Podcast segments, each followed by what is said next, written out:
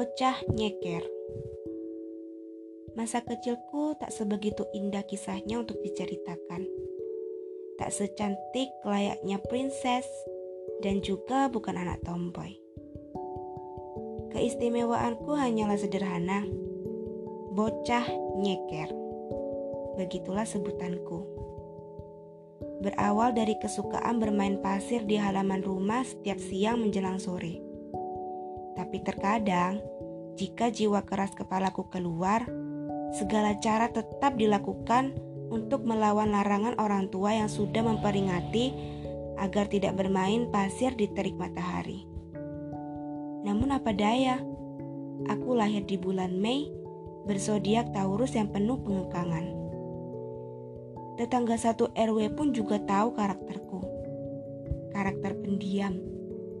Diam-diam menghanyutkan. Aku punya satu saudara. Dia kakakku. Kakak perempuan. Jangan ditanya kalau kita sama. Berkebalikan 180 derajat dengan karakternya. Kakakku yang penuh dengan kelembutan di setiap aktivitasnya.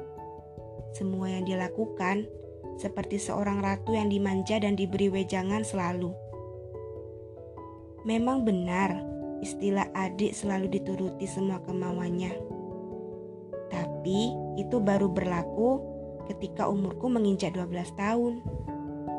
Waktu kecil, aku yang selalu bermain di pasir, hitam dekil, gak terlalu pinter, gak tahu bergaya.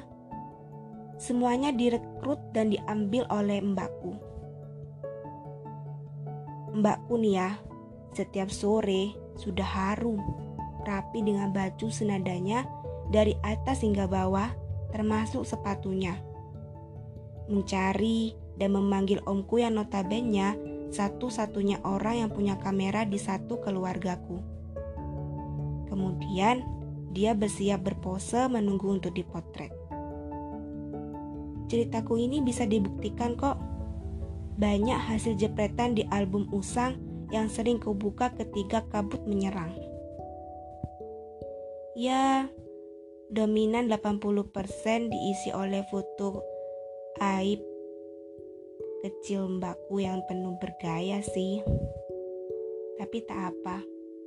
Itu merupakan sebuah kenangan lucu dan biasanya bisa dijadikan bahan untuk bulian ketika mbakku mengganggu diriku, bukan?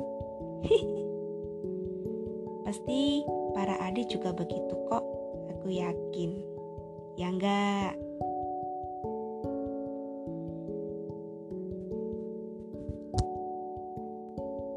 Kenapa aku dikatakan bocah nyeker? Karena mbakku yang sering berpakaian rapi, bersepatu, berkebalikan semuanya denganku ketika aku kecil dikasih sepatu aja selalu dibuang. Ya mana bisa aku pakai sepatu orang aku mainnya di pasir. Begitu pemikiranku ketika aku kecil. Namanya juga anak kecil ya, otaknya juga kecil. ya enggak juga sih. Bukan hanya itu.